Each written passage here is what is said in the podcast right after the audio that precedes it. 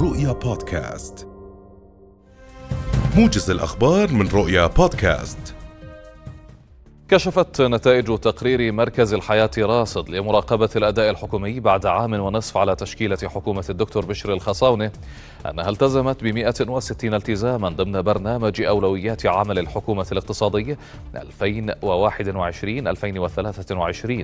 والتزمت ب 79 التزاما ضمن البرنامج التنفيذي التأشيري للحكومة 2021-2024 وتضمن التقرير استطلاعا لآراء النواب حول أداء حكومة الخصاونة خلال عام ونصف حيث استجاب 92% من النواب للاستطلاع. وبما يتعلق بالسيناريو المتوقع حول مستقبل الحكومة فقد أظهر الاستطلاع أن 37 وخمسة أعشار في المئة من النواب يتوقعون حدوث تعديل موسع ويتوقع 20% حدوث تعديل محدود فيما بلغت نسبة النواب الذين يتوقعون رحيل الحكومة واحدا وعشرين وسبعة أعشار في المئة.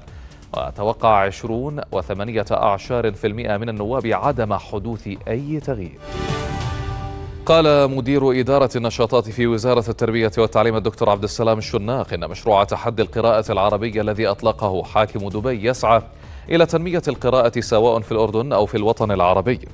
وأشار الشناق في حديث الرؤية إلى أن عدد الطلبة المشاركين من الأردن هذا العام بلغ مليونين ومئة وستة وثمانين ألف طالب وطالبة مبينا أن عدد المدارس المشاركة بلغ ثلاثة آلاف وثمانمائة وستة وثلاثين مدرسة وعدد المشرفين على المبادرة بلغ سبعة آلاف وستمائة وثمانية وسبعين مشرفاً. أكد مدير المركز الأردني للتصميم والتطوير العميد المهندس أيمن البطران أن المركز يصنع وليس كما يشاع يقوم بالتجميع فقط مبينا أنه يعمل على عقد شراكات مع شركات عالمية.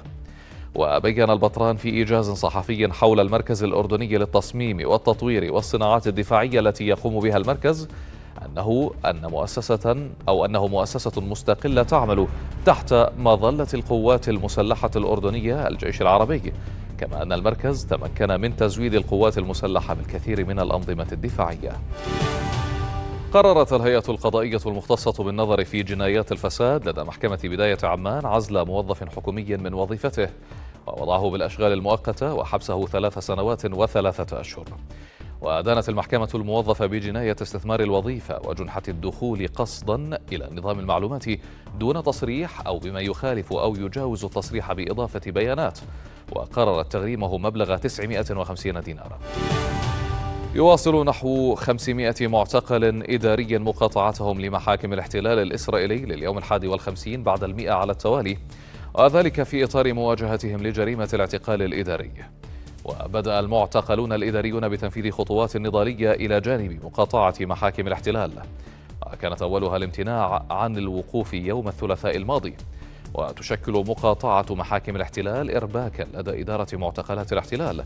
وتساهم في تعريف الوفود الأجنبية التي تزور المعتقلات كل فترة بقضية الاعتقال الإداري وبالتالي يتم تسليط الضوء عليها ونقلها للعالم.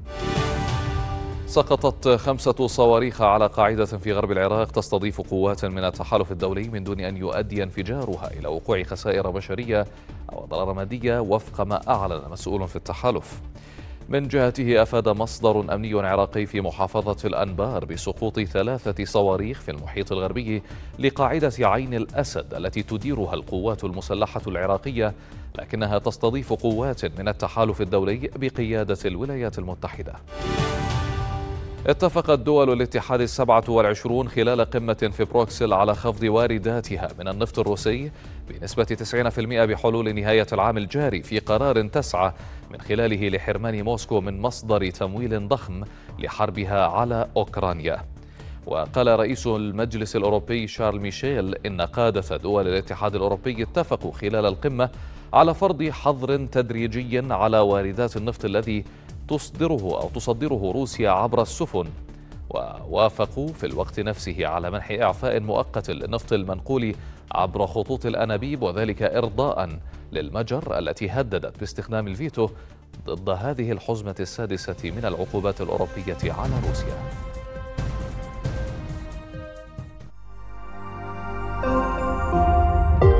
رؤيا بودكاست.